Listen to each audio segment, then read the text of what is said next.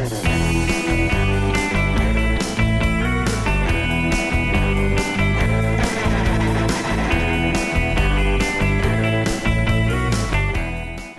selamlar. Hukuksuzlar Podcast serisine hoş geldiniz. Law Podcast Media, orijinal seri podcast yapımlarından hukuksuzlar ile hayatlarında mesleki anlamda bir kırılma anı yaşayan, hukukun dışına çıkan ve bizim deyimimizle hukuksuzları sizlerle buluşturuyoruz. Konuklarımıza soruyoruz. Hukuk eğitimine nasıl karar verdiniz? Hukuk dünyasında meslek hayaliniz ne zaman son buldu? Şu anda neler yapıyorsunuz? Ve en önemlisi verdikleri kararlar neticesinde bugün mutlular mı? Ben Aysel. Ben Atacan. Bugünkü konuğumuz kim Atacan? Aysel dinleyenleri bana sorarsan çok keyifli bir yayın bekliyor. Çünkü hem bilgili hem de bir o kadar keyifli, renkli bir konuğumuz bulunmakta. Sevgili Yunus Sezener. İzinle ben kendini biraz takdim edeyim. Yunus Sezener Koç Üniversitesi'nde hukuk bölümünden mezun olmuş bir hukukçu. Mesleki kariyerine avukat olarak başlıyor. Almanya'da MBA ve hukuk alanında yüksek lisans yapıyor. Sonrasında ise avukatlık mesleğini bırakarak Tenkap isimli çöpçatanlık uygulamasını hayata geçiren bir isim. Aynı zamanda kendisini Ortalıkta Düzgün Erkek Var adlı kitabının yazarı ve Mr. Vesile isimli podcast programının yaratıcısı olarak tanıyoruz. Bu girizgahın ardından ben sohbetimize geçmek istiyorum. Yunus Bey hoş geldiniz. Hoş bulduk arkadaşlar. Çok teşekkürler beni buraya davet ettiğiniz için.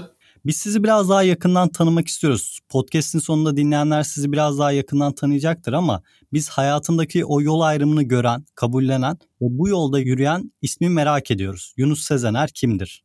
Evet bu tabii şimdi Yunus Sezener kimdir? Herhangi birisi kimdir? Aslında hepimiz değişiyoruz, dönüşüyoruz. Ben hep şeyi söylüyorum. Tad alma duyumuz bile 5 ile 7 sene arası bir değişiyor bu hayatta.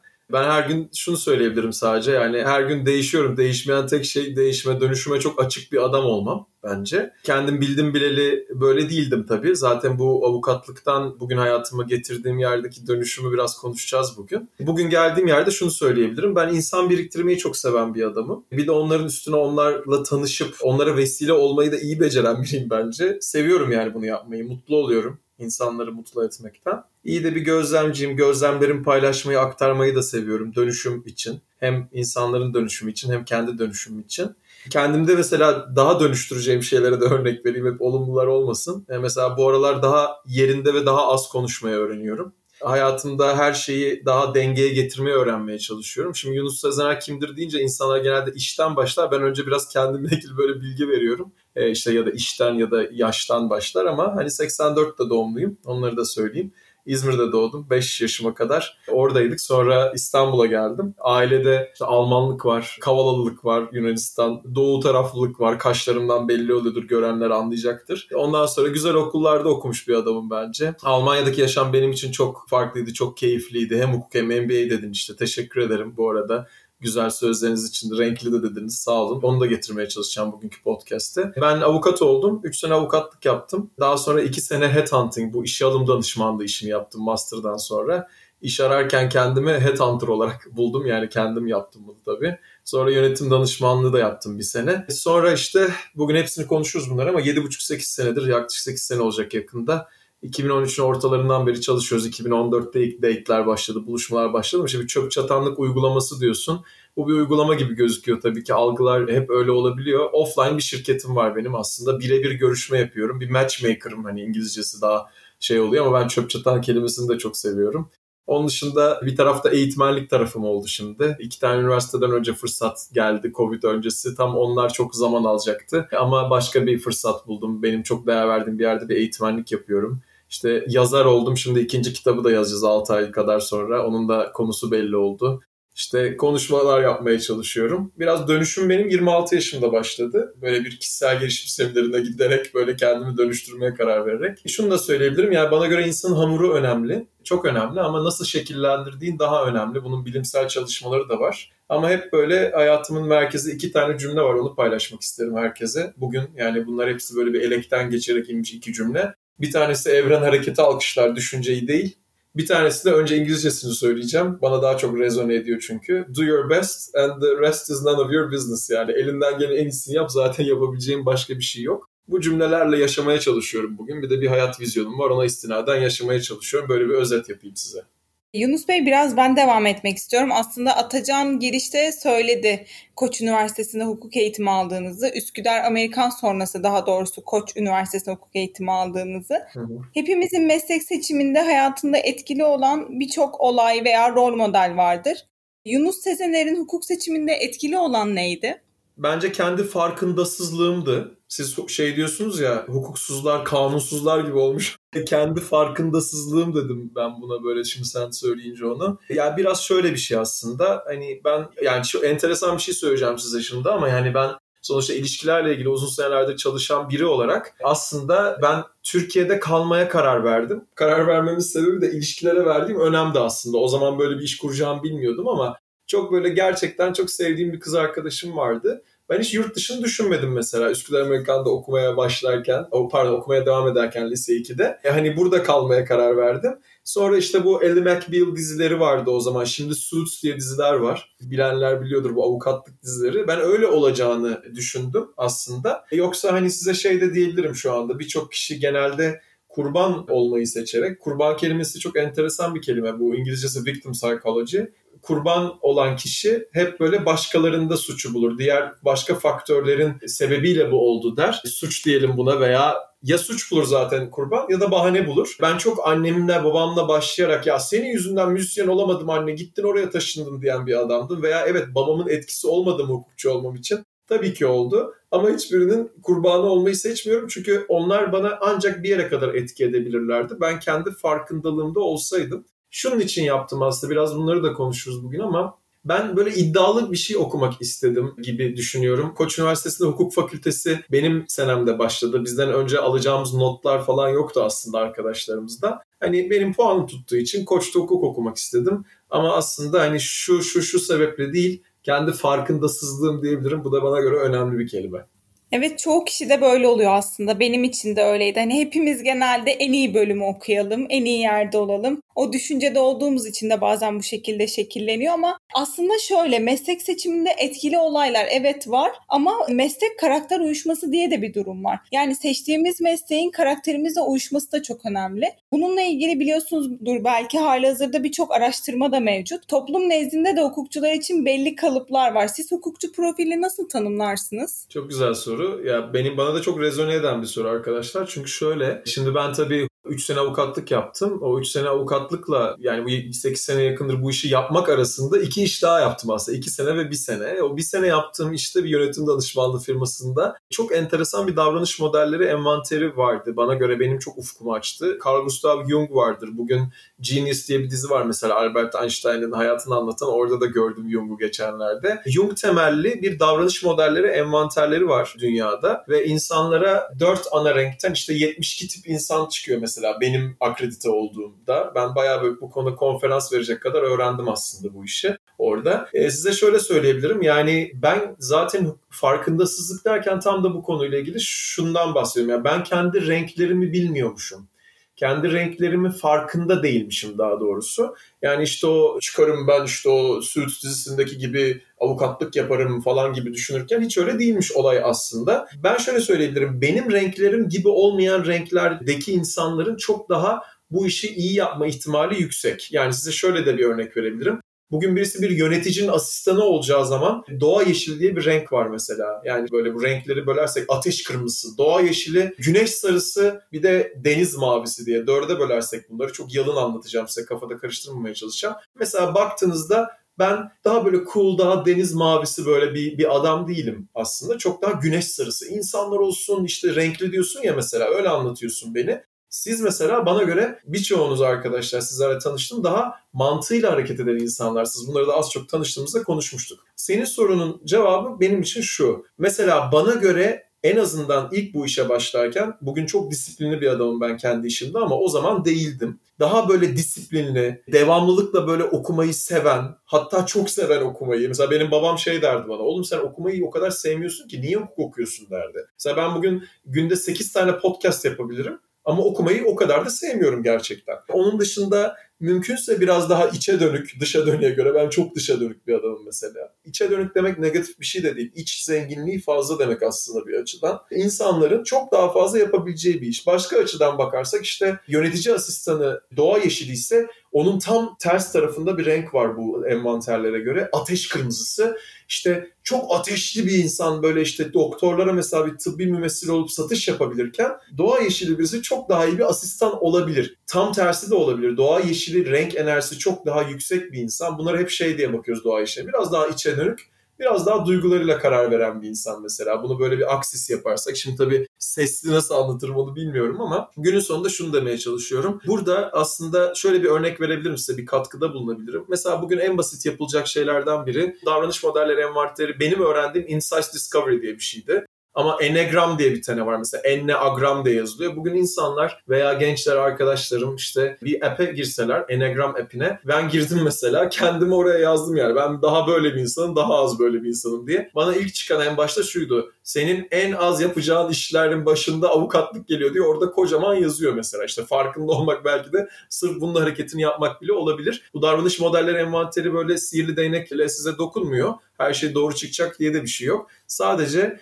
günün sonunda biraz böyle oyunun kurallarına uyabilecek insanlar daha fazla hukukta olabilecek insanlar diye düşünüyorum. Biraz daha demin söylediğime paralel bir şey söyleyeceğim ama şöyle bir örnek vereceğim size. SPK işi yapıyorduk biz avukatlık yaparken. Bu arada önce şeyi söyleyeyim. İki çeşit avukatlık var benim gördüğüm. Bir dava avukatlığı var bir de sözleşme avukatlığı var. Şimdi ikisini de aynı anda yapanlar da var ama genelde ikisini farklı şekilde yapan Siz bunu biliyorsunuzdur. Bizim gibi böyle işte koçtan işte o tarz okullardan mezun insanlar genelde yabancı dili olan olan insanlar çok daha fazla orada hem ekmek olduğu için hem de çok daha fazla şaşa olduğu için bana göre ve birçok daha başka şeyde olduğu için sözleşme avukatlığını seçiyorlar. Sözleşme avukatlığını ben de seçtim işte o Türkiye'nin en bilindik bu bürolarında çalıştım falan. Ama işte orada onu bilmek çok önemli. Öncelikle ben hangisi olacağım ya? Sözleşme avukatım olacağım, dava avukatım olacağım ve bunu gerçekten ne demek olduğunu biliyor muyum acaba? Ondan sonra ben mesela sözleşme avukatı olduğumda bir akşam şunu hatırlıyorum ben artık bana eh dediğim yer şurasıydı yani. Benim 3 sene avukatlık yaptıktan sonra bir avukatlık bürosunda bir partner yani oranın işte başı olan hanımefendi böyle bizi tutuyor ofiste. Yani neden tuttuğu da belli değil ve bu arada çok somut bir şekilde belli değil. Yani bugün bunu bitireceğiz diyor mesela ama canı sıkılıyor mesela erkek arkadaşıyla konuşuyor 2 saat 2,5 saat telefonda. Ben de duruyorum orada yani akşam olmuş 8, 9, 10 falan ve bizim hep böyle giderdi zaten saatlerimiz. Ben de şuna karar verdim dedim ki yani ben kendim bu oyunun kurallarını yaz yazacağım. Ne olursa olsun ben yazacağım. Ama işte o oyunun kurallarına uyacak bir renk yok bende. Çünkü ben çok dışa döneyim. İnsanları seviyorum. Böyle kitap okumayı falan o kadar sevmeyen bir adamsam kitap yazabilirim ama kitap okumayı o seven biri değilim. O zaman benim renklerime çok daha nasıl bir şey uyardı örnek veriyorum. Girişimcilik uyardı pazarlama uyardı. Atıyorum kuaförlük uyardı belki anlatabildim mi? Ama bunların hepsine gerçekten biz aynada kendi renklerimizi görsek o zaman işte bunları dönüştürmek için ne yapabileceğimizi bilebiliriz diye düşünüyorum. Çok kolay şeyler değil ama aslında bakarsak her şey var. İnternette bile var. Disk diye bir test yapsanız bugün az çok nasıl renkleriniz olduğunu görürsünüz. Ona göre de seçiminizi yapabilirsiniz diye düşünüyorum ben. Yunus Bey aslında sohbeti çok güzel bir noktaya getirdiniz. Gerçekten değişim ve dönüşüm noktasına. Benim de aslında merak ettiğim bir soru var. Şimdi insanlar size bakınca Üsküdar Amerikan Lisesi'nden mezun oldunuz. Koç Üniversitesi'nde hukuk eğitimi aldınız Dışarıdan bakan bir göz kariyer basamakları çok belli. Rotası belli bir yolculuk gibi görüyor. Ama bir anda o rota değişiyor. Gerçekten böyle mi oldu? Bir anda mı her şey değişti? Ve avukatlık mesleğini nasıl bıraktınız? Biraz paylaşabilir misiniz? Tabii ki. Ya ben şimdi bunu çok seviyorum. Bu tarz sorular çok hoşuma gitti. Çünkü ben bütün gün ilişkilerle ilgili konuşurken avukatken yaptığım şeyleri hiçbir zaman paylaşmamıştım. Buna da alan açtığınız için çok teşekkür ederim. Şimdi rotadan bahsettin. Ben şey diyeceğim önce yani rota belli de kimin rotası belli değil burada. yani demin bu anne babalar onlar bunlar etkileri tabii ki olabilir ama yani kimin rotası olduğu gerçekten belli değil. Yani ben bugün mesela baktığımda ailemin desteği var mı diye sorsam kendime biraz negatifti bile diyebilirim ilk başta. Onları da zaten konuşuruz sonra ama şimdi ben şöyle bir şey söyleyeceğim. Şey geldi aklıma oradan gireyim. Yani ben rekabette Türkiye'nin en önde gelen bürosunda iş teklifi aldım. Bugün LinkedIn'e girseniz orada onu görmezsiniz bile. Çok böyle şaşalı bir yer falan filan. Ben böyle girdim junior bir avukat olarak oraya. Ondan sonra gördüm ki 19 kişi bana göre 40-45-50 kişinin işini yapıyor aslında bu büroda. Bilmiyorum size rezone ediyordur herhalde hukukçu olanlara ya da bunu bugüne kadar denemiş insanlara. Ben de şey yaptım yani böyle bugün mesela LinkedIn'de bile yazmaz benim orada çalıştım. İki tane avukatlık bürosu yazıyor aslında üç tane var. Bir tane daha var ve ben 21 gün çalıştım burada. Önce şeyden başlayayım. Hani bundan biraz daha da geriye gideyim. Üniversitede ben ikinci sınıfta şeyi hatırlıyorum böyle. Bizim sınavlarımız vardı. Bu sınavlarda çok kalın kitaplardan 5 günde 6 tane finalimiz vardı. Çok iyi hatırlıyorum. Ve hüngür hüngür ağlıyorum ben. Yani hüngür hüngür ağlıyorum. Ne yapacağımı şaşırdım. Yani çünkü ben biraz böyle İngilizcesi procrastination, ertelemesi olan bir adamdım. Ertelemek bu arada araştırmaya göre çok kötü bir şey değil. En sonunda çok iyi çalışırsan erteleme iyi bir şey bile olabiliyor bir insanın hayatında. Yani sonuç almak için ama günün sonunda ben erteledim, erteledim, sonlara bıraktım ama 5 günde 6 final önce dedim ki bu iş olmayacak ama denedim, bitirdim okulu. İşte 3 tane aslında ama 2 tane gözüken farklı yerde çalıştım. Sonra bu sefer çalışırken o ikinci büroydu yani ilk bürodan sonraki ikinci büroydu bu 21 gün çalıştım. Bana da inanılmaz da iyi bir teklif yaptılar aslında. Çünkü işte ben nasıl bugün konuşuyorsam o gün de konuşabiliyordum da iş işe gelince de ben de kendimi sorumluluk alayım. Ben de yetersiz hissediyordum kendimi aslında o zaman. Bu sefer de bu köşkün bir köşkteydi bu avukatlık bürosu. En aşağısında böyle bir çay odası gibi bir yer vardı. Oraya gidip böyle yine hüngür hüngür ağlayıp böyle işte askerdeki komutanımı mentorum gibi ya da babamı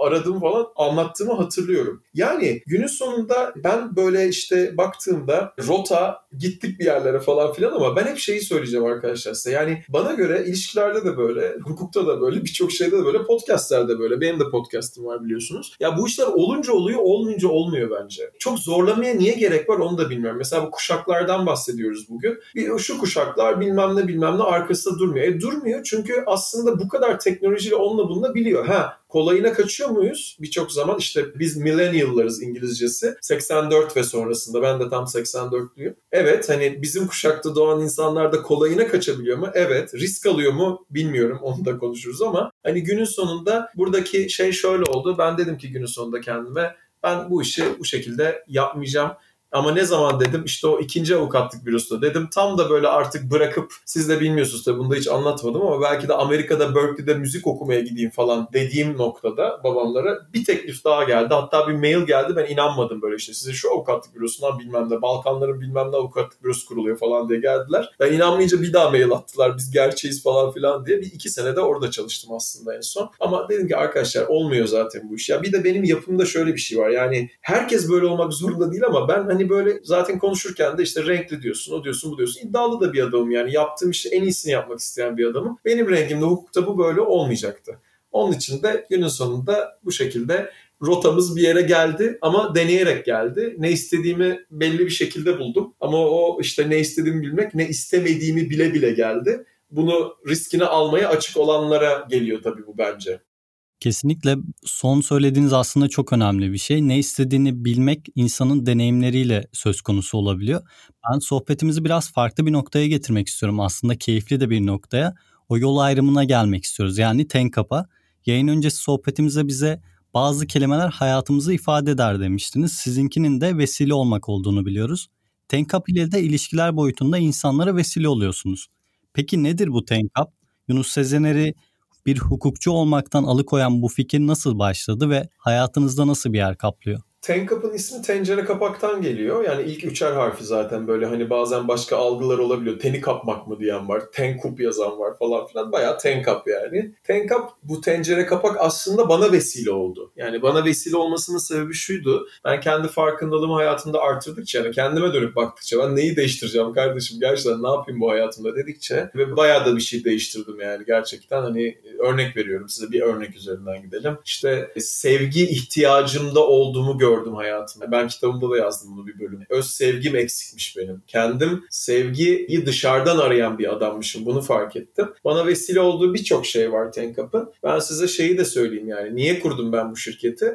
zaten iyi yaptığım bir şeyi liseden beri en yakın arkadaşlarıma yaptım. Bugün en yakınlarındaki insanlar, ailem, o şu bu işte ailemden birisi geçenlerde diyor ki çocuğum oluyor, kızım doğuyor diyor. Yani ona da yani bir şekilde ben tanıştırdım yani. O da rica etti benden. Ben de tanıştırdım. Ben de çok istedim onu tanıştırmak. Bana vesile olduğu en önemli şeylerden biri de şu yani ben bu işi kurarken şöyle bir şey yaptım. Yani dedim ki ben tamam böyle bir şey yapıyorum zaten hayatımda. Böyle bir şey deneyeyim. Bir algoritma geliştireyim. Algoritmanın üzerinden insanları tanıyayım falan filan. Bir belli yerlere evrildi. Ben bu işi şunun için kurdum bu arada onu da paylaşayım. Zaten iyi yaptığım bir şey. İnsanlar gelsin de sonra işte ben bebekte onları yan yana yürürken işte caddede, Bağdat Caddesi'nde falan gelsinler de boyunlarıma sarılsınlar diye kurdum. Yine bakın öz sevgiyle alakalı bu. Ama hiç öyle bir şey olmuyormuş. Mesela böyle bir şey olmadığını veya benim böyle bir ihtiyacım belki de hayatımda olmayacağına da vesile olmuş. Ben niye böyle bir iş yapıyorum? Önce onu söyleyeyim kısaca. İnsan biriktirmeyi çok seviyorum. Motivasyonum bu. her şeye vesile olmayı seven bir adamım. Sizinle bu podcast'ı açtığımızda size ben yalandan söylemedim şey yani. Arkadaşlar çok tatlı ekipsiniz. Şu Covid bitse de gelin bahçede size bir ağırlasam dedim mesela kendi evimde. Buna da vesile olmak istiyorum ben. Bir de insanların dönüşüm benim dönüşümümüz. Gerçekten dönüşüyoruz burada yani. Ben mesela şu anda negatif yanlarımı da görüyorum yani bu işi yaparken de bazen bazı insanlara kibirli gözüktüğümü, bazı insanlara işte çok konuştuğumu, bazen kendime dönük yaşadığımı falan görüyorum. Bu dönem mesela dönüşüm yollarım bunlar. Onun için de hep değişip dönüşüyorum diyorum. Daha önce bambaşka şeylerdi. Benim bu işi yapma sebebim arkadaşlar önce objektif bir ayna olmak insanlara. Yani gerçekleri görmeleri bu son zamanlarda duyduğum en muhteşem cümleyi söyleyeceğim size. Yine İngilizceden Türkçe'ye çevireceğim. There's your story, there's my story and then there's the real story. Yani bir senin hikayen var bir benim hikayem var, bir de gerçekte olan var. Gerçekte olanı hayatımızda ne kadar yakın yaşarsak, yani şu bir hikayeydi mesela benim için. İşte Koç Üniversitesi Hukuk Fakültesi açılıyor. Ay ben istiyorum çok oraya girmek. İnşallah girebilirim. E, bilmem ne bilmem ne. Bu benim kendime yazdığım bir hikayeydi. Herhalde iyi de yaparım. Bu dizideki gibi olur. Ama gerçekte olan o değilmiş. Gerçekte olanı bana biri söyleyebilirdi. Ben dinleyebilirdim, dinlemeyebilirdim. Aynı şeyi ben şu anda insanların ilişkiler için şunu yapmaya çalışıyorum. Ben onlara diyorum ki siz tamam biriyle olmak istiyorsunuz ama bir de kim sizinle olmak isteyecek? Çünkü bugün ilişkilerin yaşanmamasının en önemli sebebi bana göre ünlü filozofumuz İsmail YK'nın söylediği beni beğeneni ben beğenmem, benim beğendiğim beni beğenmez. Öyle olmaması için ben insanların gerçekten hem onların şans verebilecekleri kişileri beraber somutlaştırıyoruz da bir de onlara kimler şans vermek ister onu da somutlaşıyoruz iki tane noktada. Bir masaya neler koyuyorlar işte Yunus'tan bahsediyoruz. Yunus şöyle bir eğitim var, böyle bir ailesi var, böyle risk alan bir adam. Odur budur, negatif huyları şunlardır.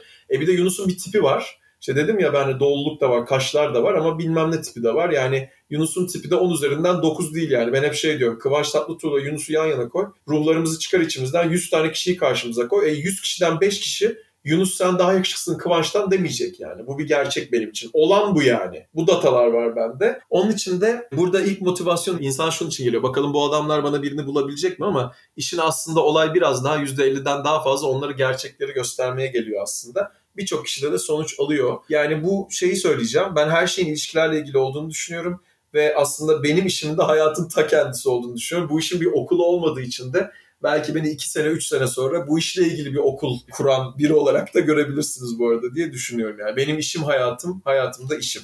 Yunus Bey aslında çok doğru bir noktaya parmak bastınız. İlişkilerde insanlar hep anlattığında aslında hep herkes kendisi haklı. Ya da işte mesela ben çevremde şunu bile duydum. İstediği kişinin özelliklerini sıralayan ve bunun içinde tuttuğu takımın Galatasaray olmasına kadar bile giden geçen bir... geçen hafta duydum aynı şeyi. Geçen evet. hafta yani ben çok Fenerbahçeliyim diye adam böyle bir şey yaptı. İnanamıyorum yani ben. Evet evet ben de bu tarz şeyler duydum ve hani oturduğumuzda günlük hayatta masada günün sonunda bir şekilde konu ilişkilere noktaya geliyor. İlişkilerin başarısızlığı ve başarısızlığın içinde de en çok duyduğumuz klişe laf da doğru kişi. Anladığım kadarıyla Tenkap bu konuda çözüm sunuyor. Biraz bize Tenkap'ın işleyişini anlatır mısınız? Sizden hizmet almak isteyen danışanlarınızı nasıl bir süreç bekliyor? Evet şöyle önce şey söyleyeyim bu haklı çıkma çok enteresan bir konu. Ben son zamanlarda hep böyle bazı şeyleri söylüyorum söylüyorum birkaç ay başka şeylere geçiyorum ama çok inanılmaz bir şey yaparak aslında sevgili Sena. Şöyle insanların mutlu olmaktan daha çok istediği tek bir şey varsa bu hayatta o da haklı olmak. Benim de bu TEDx'te söylemeye çalıştığım işte melimalılar, lazımlar, böyle olsun, böyle olmaması gerekiyor benim sevgilim. Hepsi fasafiso. Bunlar kime haklı çıkmaya çalışıyoruz biz acaba? Yani ben sana bir sürü avukat sayabilirim ki benim podcastlerimde de konuşuyoruz bu insanlarla açık açık bunları. Bir sürü avukat sayabilirim ki bu avukatlar hani law podcast yaptığımız için burada bu avukatlar sırf insanlara bir şeyi kanıtlamak için de avukat oluyorlar. Bunlardan bir tanesini de söyleyeyim ben sana. Bu da benim mesela. Yani o şey 26 yaşıma kadar ben insanları kendimi daha fazla kanıtlamaya çalışıp sevdirmeye çalıştığım için oldum. Başkası çocukluğundan beri örnek veriyorum ezildiği için arkadaşları tarafından ben avukat olacağım ve öyle bir ilişkim olacak ki hepinize göstereceğim diyen de var falan. Bu çok enteresan bir konu. Onun yanında buradaki süreç şöyle işliyor. Şimdi ben aslında biri geldiğinde karşıma Diyorum ki onlara ben size en yakın bir saat görüşeceğiz diyorum. E, önce algoritması yapılıyor. Ben çalışıyorum. Karşıma geliyor. Diyorum ki bu insana ben size en yakın arkadaşınız kadar tanımayacağım bu bir saatte. Ama sizinle beraber belki de en yakın arkadaşınızdan bile daha net bir şekilde sizin ilişkide nerede durduğunuzun çerçevesini çıkarabiliriz. Sizin masaya neler koyduğunuzun yani. Ve bunları yazılıda yolluyorum insanlara. Hatta yakında raporlayacağız bunları insanlara. Böyle bir rapor hazırlıyoruz şu anda. Zaten yolladığımız şeyleri rapor halinde yollayacağız. Şimdi insanlar geliyorlar. 86 tane soru soruyoruz aslında onlara önce. Bir algoritmik sorular soruyoruz. Bu algoritma çok böyle havalı bir kelime. Aslında yani en tanımak için olması önemli soruları soruyoruz hayatıyla ilgili. Sonra onun üzerine de konuşuyoruz tip tarzla ilgili de konuşuyoruz. Birçok somutlaştırılabilecek yöntem var. Mesela benim şeyim var. Stok fotoğraflarım var. Bu internette fotoğraflar vardır ya şu an yanımda bu fotoğraflarda. Böyle mesela işte diyorum ki bu insan 51 yaşındaysa 10 üzerinden ortalama kaç vermişlerdir falan diyorum. Biraz böyle olabildiğince beklentileri yöneteceğimiz, beraber bu insanlara gerçekten önce onların hayatına bir şey katacak, gerçek bir deneyim katacak hem de onları daha sonra da belki de sonuca götürebilecek bir sürü yoldan geçiyoruz aslında. Bir şeyimiz de var. Köprü olan bir iletişim danışmanımız da var. Benim kendi hayatımdaki mentorum artık Tenkap'ta çalışıyor. Aynı zamanda ben de buluşmalarla, date'lerle ilgileniyorum. Bir sene içinde 6 kişiye kadar görüşme yapabiliyorlar gerekirse ama çok to the point şekilde şey gibi düşün yani. Şu an online dating falan kullanıyor insanlar. Oradaki kaliteye göre daha yüksek kalitede insanlar var. Yani kimse kusura bakmasın ama ortalaması çok daha yüksek tabii ki. Biz de sonuçta her bize başvuruna dönüşte yap yapmıyoruz. Bu kaliteden değil sadece bir sürü konudan ama belli bir seçim biz de yapıyoruz. Onun sonrasında da oradan belki de senin online'da görebileceğin bin kişiden bir tanesini karşıya çıkarmaya çalışıyorum. Aslında bir zaman kazandırma işi bu. Bizim ölçebildiğimiz şey bir avukat olarak aslında aslında. Benim harcadığım zaman ve emek, bizim harcadığımız zaman ve emek. işte asistanım, ben, işte mentorumuzla vesaire. Bir ortalama 25-30 saatlik bir zaman ve emek veriyoruz yılda. Bunun da değeri biliniyor mu tabii danışmanlığın bu ülkede o ayrı konu ama böyle bir süreç diyebilirim yani. Birebir görüş görüşmeyle insanların hayatına dokunmaya çalışıyoruz ve insanlara aynı olmaya çalışıyoruz. İki çeşit insan geliyor. Bir ben birileriyle oluyorum ama bir şekilde olmuyor yani ilişkim diyorlar. Bazıları da ben gerçekten birileriyle tanışmaya çok fırsat bulamıyorum diyorlar. Bazıları da ikisi de birden diyorlar. Bu insanlar geliyor, gelmek isteyen, konfor alanından çıkan 100 kişi duyuyorsa ilk sene 8-10 kişi geliyordu bence benim data. Bu sefer 25-30 kişi geliyor. Hiçbir zaman 80-90 kişi gelmeyecek ama onu 50'ye çıkarırsak ne hala. Biz de kutsal bir iş yapıyoruz benim algımda. Ama herkesin bambaşka algıları var tabii işle ilgili. Benim merak ettiğim diğer bir konu da şu. Şu ana kadar Tenkap kaç kişiye ulaştı ve geri dönüşler size nasıl? Şöyle yani bir 7500 kadar kişiyle birebir görüştüm ben. Ama biz tabii kaç kişilerle konuşmuşuzdur. Yani kaç saatler konuşmuşuzdur. Belki 20 bin saatten bile fazla zaman ve emek vermişizdir bu insanlara örnek veriyorum. Burada önemli olan şey değil. Bize hep şeyi soruyorlar. Yani kaç kişi var vesaire vesaire. Ben şey diyebilirim tabii ki yani böyle bir satış konuşması gibi işte. 6 ay ve üzeri ilişki yaşayan 1300'e yakın insan vardır. Gerçekten böyle ama evlenen kaç kişi vardır? 200'den fazla kişi oldu bugüne kadar çok enteresandır. Böyle pandemi zamanlarını da konuşuruz belki ama yani o kadar çok insan birbirine daha da çok bağlanıyor ki. Çünkü yani insanların bunu yaşamak istemesinin en büyük sebebi gerçekten yalnız hissettiği bir anda tetiklenip bir anda böyle bir şey yapabilirim diyor insanlar. Bugün yapmam diyen yarın yapabilirim diyebiliyor. Ama günün sonunda işte çocuklar çocuklar hepsi var. Çok da keyifli, çok da tatlı. Benim nikah şahitliklerim de var. Çoğuna hiç çağrılmadığım evlilikler de var. Herkes evlenmek de istemiyor ama günün sonunda önemli olan o insanın kim olduğu. Bana çok değerli gelen bir soru sordum. Onu da koyduk işte başlığına bu TED konuşmasının. Kendinizin sevgilisi olmak ister miydiniz? Yani aslında burada bize başvuran insanların birçoğu kendisinin sevgilisi olmak istemiyor da birçoğu da istiyor da. Ne kadar çok kendisinin sevgilisi olmak isterse bu insanlar o kadar diğer insanlar da genelde çok daha fazla onlarla olmak istiyorlar. Çünkü sen kendini sevgilisi olmak istemezsen Niye zaten biri senin sevgilin olmak istesin? Zor bir soru bence. Ama bu da şey demek ya aynada kendine baktığında kendin gibi biriyle olmak ister misin? İşte biz bugüne kadar ben birebir bile yani 7500'den fazla insanla bu konuşmaları yapıyorum ki hepimiz dönüşelim diye. Ben konuyu biraz ilişkilerden devam ettirmek istiyorum. Biliyorsunuz Covid-19'la birlikte hepimizin hayatı çok değişti. Kendi adıma açıkçası ben evde bir günden fazla duramazken şu an evden çıkmıyorum, evden çalışıyorum. Yani hayatım ev oldu. Aslında bu noktada evde olmayı da sevdim diyebilirim. Eminim şu an bize dinleyen dinleyicilerimiz de aynı durumda. Bu dönemde ilişkiler çok etkilendi. Sizce bu dönemde ilişkilerde ne gibi bir değişiklik görebiliriz? Tenkap'ta pandemi döneminde neler değişti? Bundan sonra aklınızda neler var? Hepsini evet. birden sormak istedim. Süper. Şöyle şimdi Birincisi biraz önce sen şey dedin. Duramazken dedin evde dedin. Ben sana bir katkıda bulunayım. Belki lügatında bunu değiştirirsen hayatın değişebilir. Çünkü ben 2012'de değiştirdim bunu. Senesini bile hatırlıyorum. Duramazken değil durmazken aslında. Yani sen aslında durmadığını fark etsen istediğin kadar durup durmayacağına kendi gücünü almış olabilirdin. Yani bunun Covid'in sebep olmasına gerek yoktu aslında. Böyle bir şey söylemek istedim sana. Yani yapamam edemem çok diyebiliyor insanlar ama aslında biz yapmıyoruz onları. Bunun dışında güven çok azaldı. Online dating'e de azaldı İnsanlar artık hiçbir yerde tanışamıyorlar vesaire. Ekonomik kriz gibi durumlarda ya da bu tarz durumlarda insanların Tenkap'a gelme oranları çok artabiliyor. Zaten hani oluyor. Mevsimsel bir şeyler de oluyor yani. Mesela yazın biraz daha azalır, kışın çok daha Eylül'de artar falan filan. Ama bu dönemde çok fazla başvuru alıyoruz. Enteresan da geliyor bana. Bu kadar da beklemiyordum ben. Buluşanlar sahilde kahve içiyorlar. Mesela Caddebostan'da çok içen var, Bebek'te içen var. Senin biraz önce dediğin gibi en gösterişli restorana gitmezsem olmaz diyen kişiler aslında şimdi bugün bir bankta oturup kahve içmenin keyfini de çıkarabiliyorlar. Çok enteresan bir şey bence bu gerçekten. Ben bugün kendi podcastımda çektik yani birkaç tane. Orada bir cümle söyledim. Abanın kadri yağmurda bilinir diye. İlk atasözümüzdür bu harften bakarsan. Yani aba nedir? Çoban abası. Böyle işte hani o omuzların üstünde duran vardır ya aba. O yağmurda bilinir. İşte olmayınca bunların değeri biliniyor aslında. Şöyle söyleyeyim. Bence insanlar biraz daha fazla değer bilecekler. İlk sorularda söylediğimiz gibi melilerini, malılarını ne kadar anlamsız olduğunu görecekler. Ya ben gerçekten mesela mutlu olmayı ilişkide seçen bir tipim. İş hayatımda daha zordu mesela benim için bugünlere gelmek ama benim hiç melilerim, mallarım yok yani. Ben diyebilirim ki ah benden şu kadar küçük olsun benim sevgilim falan filan ama hiç öyle diyen bir adam değilim. O zaman işte o melilerim, mallarım şöyle olması lazımları çıkardığım zaman birine şans verip haklı olmayı seçmek yerine mutlu olmayı seçebiliyorum. Bundan sonra kitlelere nasıl taşırız diye bir çalışmalarımız var. Yani aklımda neler var? İşte çok özel butik bir iş yapıyoruz. Her geçen gün daha butik oluyor. Mesela Ayşe Arman yazdığında bunu 2 sene, 3 sene önce bizi ilk defa 3 kere yazdı sağ olsun. İlk yazdığında İnsanlar genelde öyle şeylerde işlerini büyütürler. Ben daha da küçülttüm, daha da butik yaptım. Yani daha özel bir hizmet verdim ama yani bütçesel olarak da her açıdan. Ama bunların hepsine baktığımda bundan sonra benim yolum, kendi vizyonum da var zaten. Bu artık ben bu vesile olma olayını kitlelere nasıl taşırımın aksiyonunu almaya başladım. Zaten 28 Aralık'ta da bununla ilgili aksiyon aldım. Size şöyle bir haber vereyim. Hani Mayıs ayında ilk denemeleri yapacağız. Bayağı da içerikli bir app olacağı için offline'da Tank devam edecek. Belki hani 5 kişiye 7 kişiye bu hizmeti veriyorsak belki 3 kişiye vereceğiz ama online'da da bundan sonra gideceği artık yani gideceği derken risk ciddi bir risk alarak yine Tenkap'ı kurarkenki gibi hiç dünyada yapılmayan bir şey yapacağız. Ve hani insanlar şu an kendilerine birilerini buluyorlar ya bu app'lerde. Biz başkasına birini bulma app'i yapacağız ama bunun için tabii çok ciddi yöntemler geliştirdik falan bu tecrübelerden, deneyimlerden.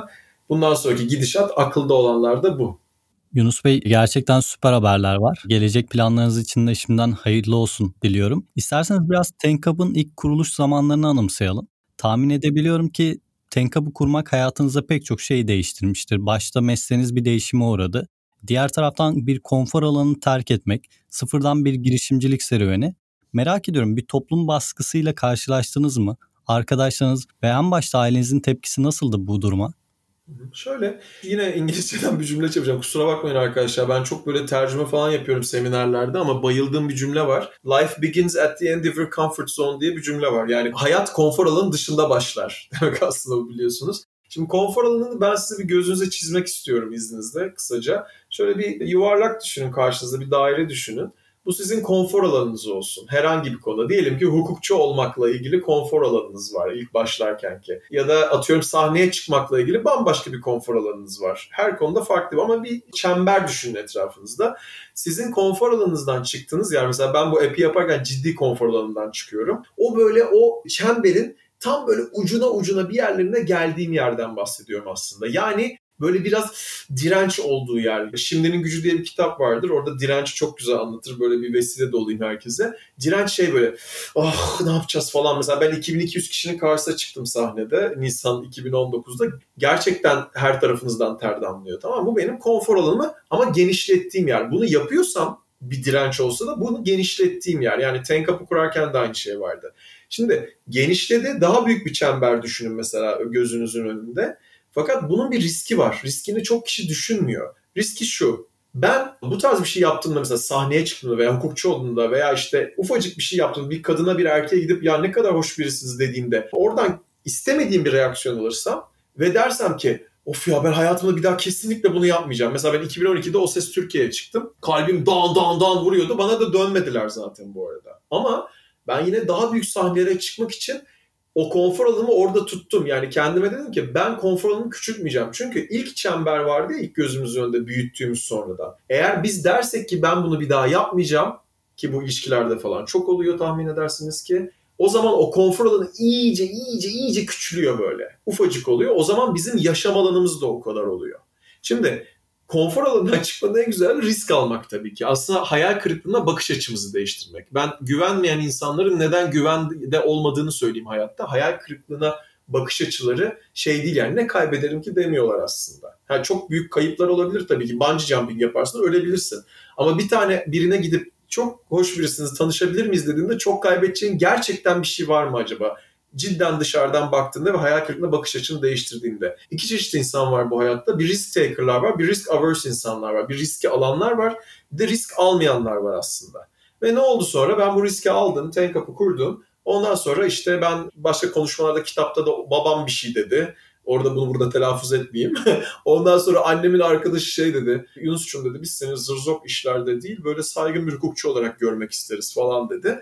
Bana göre bu arada benim yaptığım işten benim için bugün daha saygın bir şey yok bu arada. Bu da arkasında durmakla ilgili. Burada en önemli konu arkadaşlar şu. En temele gidersek bugün hayatlara bakarsak ben bir sürü psikoloji, NLP temelli seminerlerde asistanlıklar yaparken şeyi görüyorum. Özellikle bizim kültürümüzde çok fazla yetersizlik hissi var. Bu da bende de vardı. Yani kendime yetememek. Daha doğrusu şöyle bir örnek vereyim. Bu örnek güzel bir örnek oluyor. Benim babam mesela çok iyi bir iş adamıdır. Yani bir yerin başında 25 sene olacak yakında. Şimdi babamın benim için hayalleri vardı tabii. Hukukçu oldu. Aman tamam ayakları yere bastı bu adamın falan filan. Şimdi tam bu konuyu konuşuyoruz zaten. Babam mesela ben küçükken karnım geldiğinde nasıl oğlum karnın? Hepsi peki peki peki mi derdi. Tamam ben de derim ki bir tane baba din kültüründen dört almışım. E neyse gelecek sene yaparsın falan derdi. Buralardan tabii ki insanların etkisi oluyor ama ben onun kurbanı olmayıp ben buna yetiyorum ya dedikçe de işte oğlum artık böyle böyle işler yapıyor diyen babam bana 3-4 sene sonra şey demeye başladı. Oğlum sen herkese yapıyorsun etrafında birini şu kuzenine de yapsana demeye başladı mesela.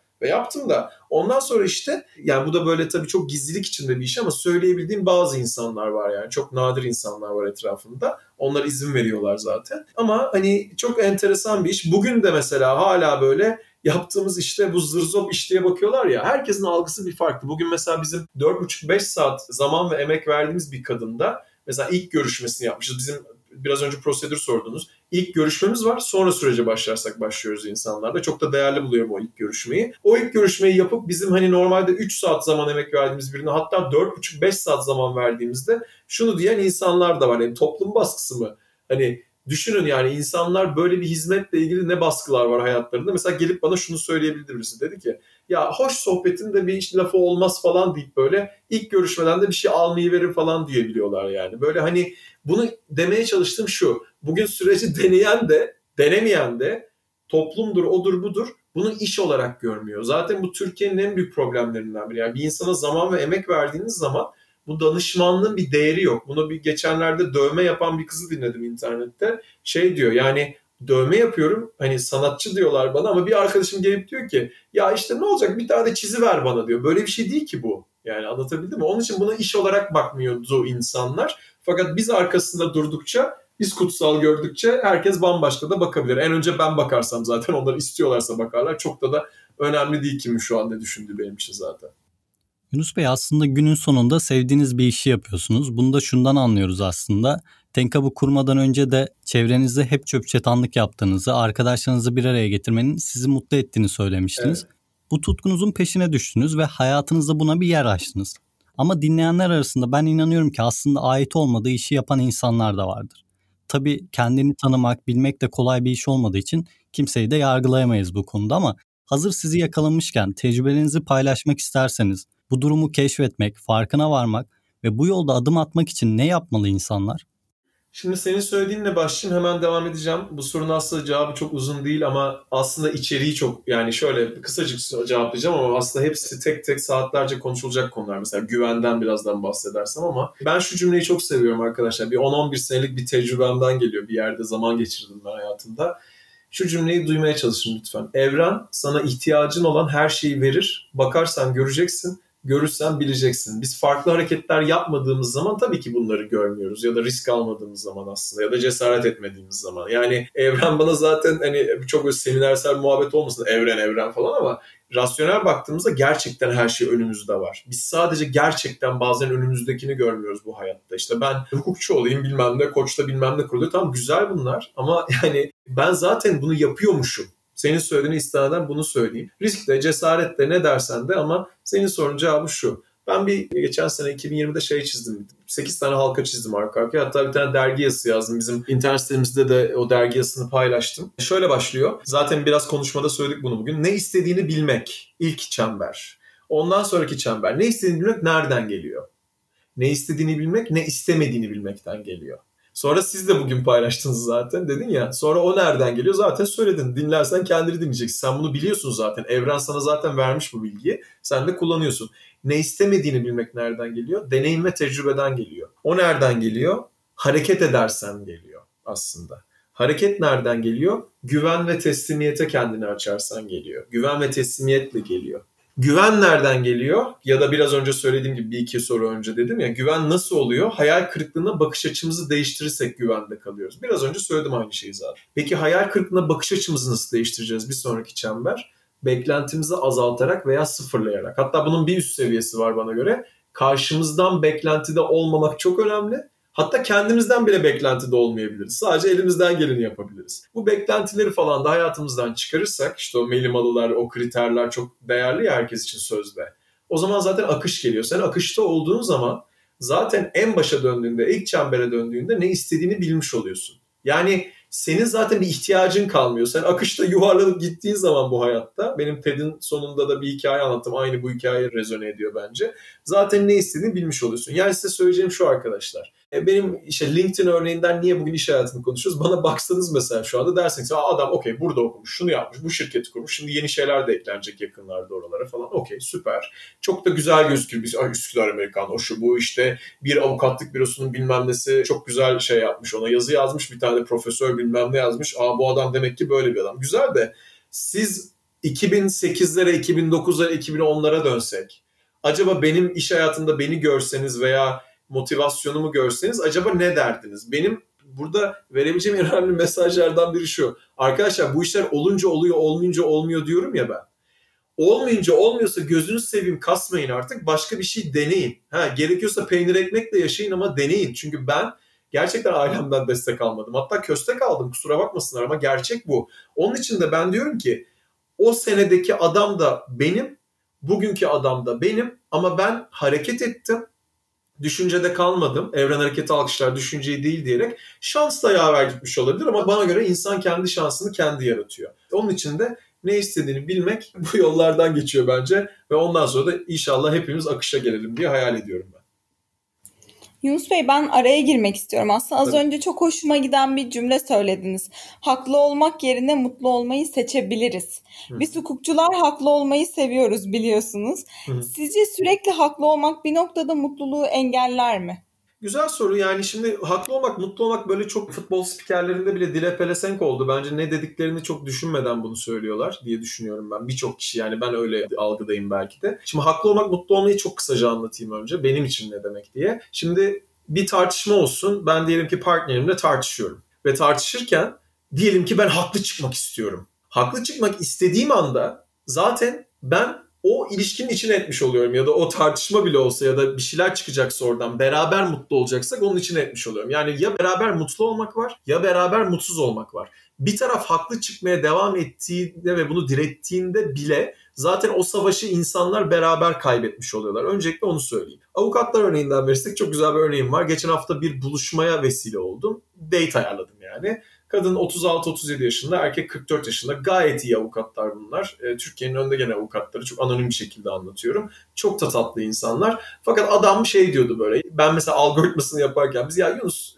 bir şey söyleyeceğim sadece avukat olmasa çok iyi ya benim tanışacağım kişi deyip bu enerjiyi kendisine çekti. Ben zaten melimalı olmasın derken şey diyorum aslında yahu siz bu enerjileri kendinize çekiyorsunuz bu melimalılarla diyorum. Onu yaptı. Sonra ben kadına adamı anlatırken ilk ya işte söylemeyecektim söylemedim de ama avukat olmasa mıydı dedi. Şimdi mesela inanılmaz tatlı bir ilişkiler var bir haftadır. Ve bana neler yazdılar yani. Sende duru biliş mi var oğlum ne biçim ne yapıyorsun falan filan. Sadece şans verdiler birbirlerine aslında. Bu kadar böyle önüne bunları koyup daha baştan haklı çıkmaya bence gerek yok diye düşünüyorum ben.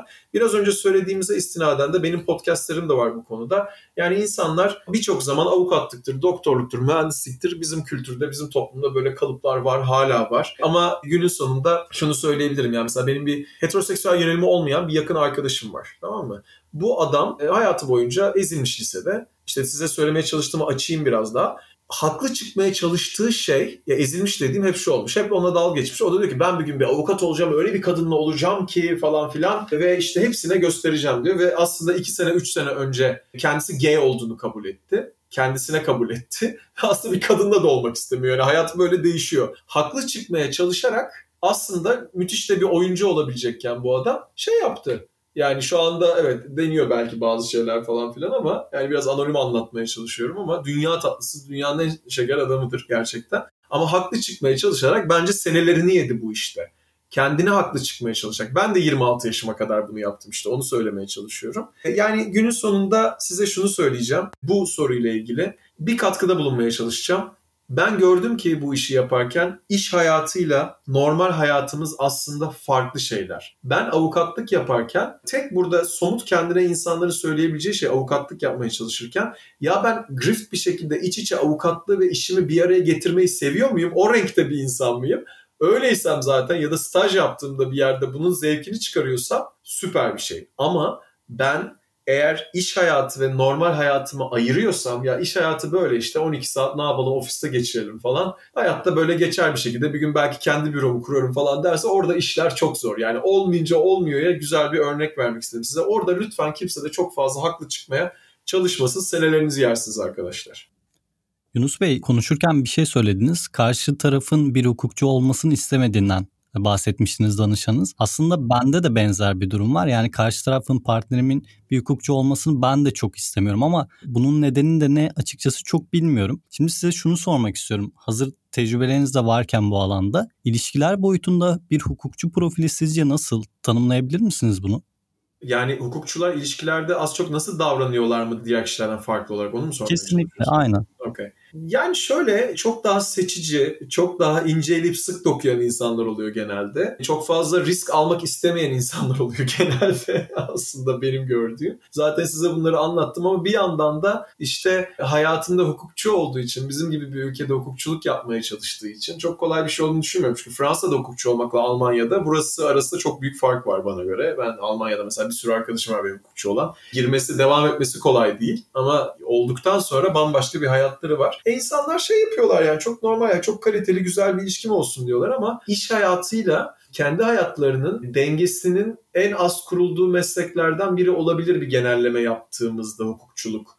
Benim gördüğüm böyle yani e, açıkçası. Bunda çok normal sonuçta çünkü siz kendinizi işe teslim ediyorsunuz. İşteki kontrol sizin olmuyor ne olursa olsun. Yani kendi büron olduğunda tabii ki olabilir ama orada işte okumayı severek, berir merdivenlerden çıkarak, elinden gelenin en iyisini yapıp aslında gerçekten kendini doğru bir yere konumlandırdığında bu olabiliyor hukukçulukta. E ben de gayet böyle mantığını da kullanabilen şey insanlara bunu diliyorum ama yani çok kolay bir şey değil tabii ki. Yani baktığımda genelleme yaparsam çoğu avukat avukatı tercih etmemesinin sebebi aslında kendi hayat gidişatında, kendi hayat hızında birisinin olması yerine başka bir şekilde ben zıt kutuplarla kendimi aslında tamamlayayım mantığı. Ama iki avukat da çok güzel beraber yaşayabilir. Çünkü sonra olduktan sonra ikisi de şey dedi birbirine. E aslında iyi de oluyor ya bayağı aslında kendi dilimizi anlıyoruz falan der. Avukatlık farklı bir dil. Bizim hukukun başlangıcı dersinde ilk derste profesörümüz şey demişti. İnsanın hayata bakışı çok farklı olacak. Bir araba bir kediye vuracakken ama son anda durduğunda ama dokunduğunda kedi kaçtığında doktor farklı şeye bakar, avukat farklı şeye bakar, yoldan geçen ayakkabıcı farklı şeye bakar demişti. Gerçekten biz avukatların farklı bir bakış açısı var. Tabii ki ben burada anlatıyorum hukuk böyleydi şöyleydi falan ama yani hayatımdaki en güzel tabii ki altın bileziklerden bir tanesi. Bugün bir sürü kişi de ben hukukçuyum diye de benim karşıma geliyor. Ama ben tipik bir hukukçu değilim. Biraz böyle kendi renklerimle direkten dönmüş bir hukukçuyum. Onun için de olay yine davranış modellerine geliyor. O davranış modelinde hukukçular da kendi hayatlarını bence çok fazla kolaylaştırmıyorlar bu konuda genelde. Cevap bu. Sanıyorum aslında söylediğiniz gibi hem üniversite yıllarında derslerden kaynaklı yaşadığımız stres hem de iş hayatında aldığımız sorumluluklar sebebiyle bir ön yargı oluşturuyor ilişkiler boyutunda. Ben podcast'in sonuna gelirken aslında bir konuya daha değinmek istiyorum siz de bir podcast yayıncısı olarak ilişkiler bağlamında Mr. Vesile adlı bir programı sunuyorsunuz. Enteresan ve ilginç de bir konsepti var. Orada konuklarınıza bir rumuz takıyorsunuz ve o rumuzla aslında dinleyenlere sesleniyorlar. Burada belki bilmeyenler, duymayan dinleyicilerimiz de vardır. Bizlere kısaca bu seriden bahsedebilir misiniz? Çıkış öyküsü neydi acaba? Teşekkür ederim. Ya Mr. Vesile MR nokta vesile olarak bakabilirler isteyenler. Çok da paylaşmak isterim kendi odamda insanlarla konuştuğumu. Buradaki konsept şu. Ben senelerdir insanların algısı benim sadece birilerini birileriyle tanıştırdığımdı genelde. Ama aslında odada konuşulan şeylerin insanların hepsine ciddi bir yararı var. Bunu ikinci podcast'te yaptığımız kişi şey demişti. Yani odadaki sinek olmak demişti. Ben odadaki sinek olmak istiyorum demişti. Bu da sinek de arı de ne istiyorsan diyebilirsin ama gerçekten hani o konuşmalardan insanların fayda görebileceği çok şey olduğunu düşünüyorum. Ben de çünkü çok fayda görüyorum her tanıştığım kişiden. E buradaki şey şu ben biraz daha geri gidip şeyi söyleyeceğim. Mesela bir önceki 14 Şubat'ta yaptığım şey şuydu. Bunu da mesela gazeteciler yazmıştı falan. Ben böyle biraz oyunlar da geliştiriyorum bu konuda farklı prosedürler. 105 kadar 105 mi? O, o civarlarda bir sayıdaki kişiyi ben karanlıkta tanıştırma oyunu oynattım mesela daha önce 14 Şubat'ta. Yani bir odada belli böyle görme engelli arkadaşların desteğiyle belli bir sandalyelerin dizilimiyle aslında insanları karanlıkta birbirleriyle tanıştık. Hiç birbirini görmeyen kadın ve erkekleri böyle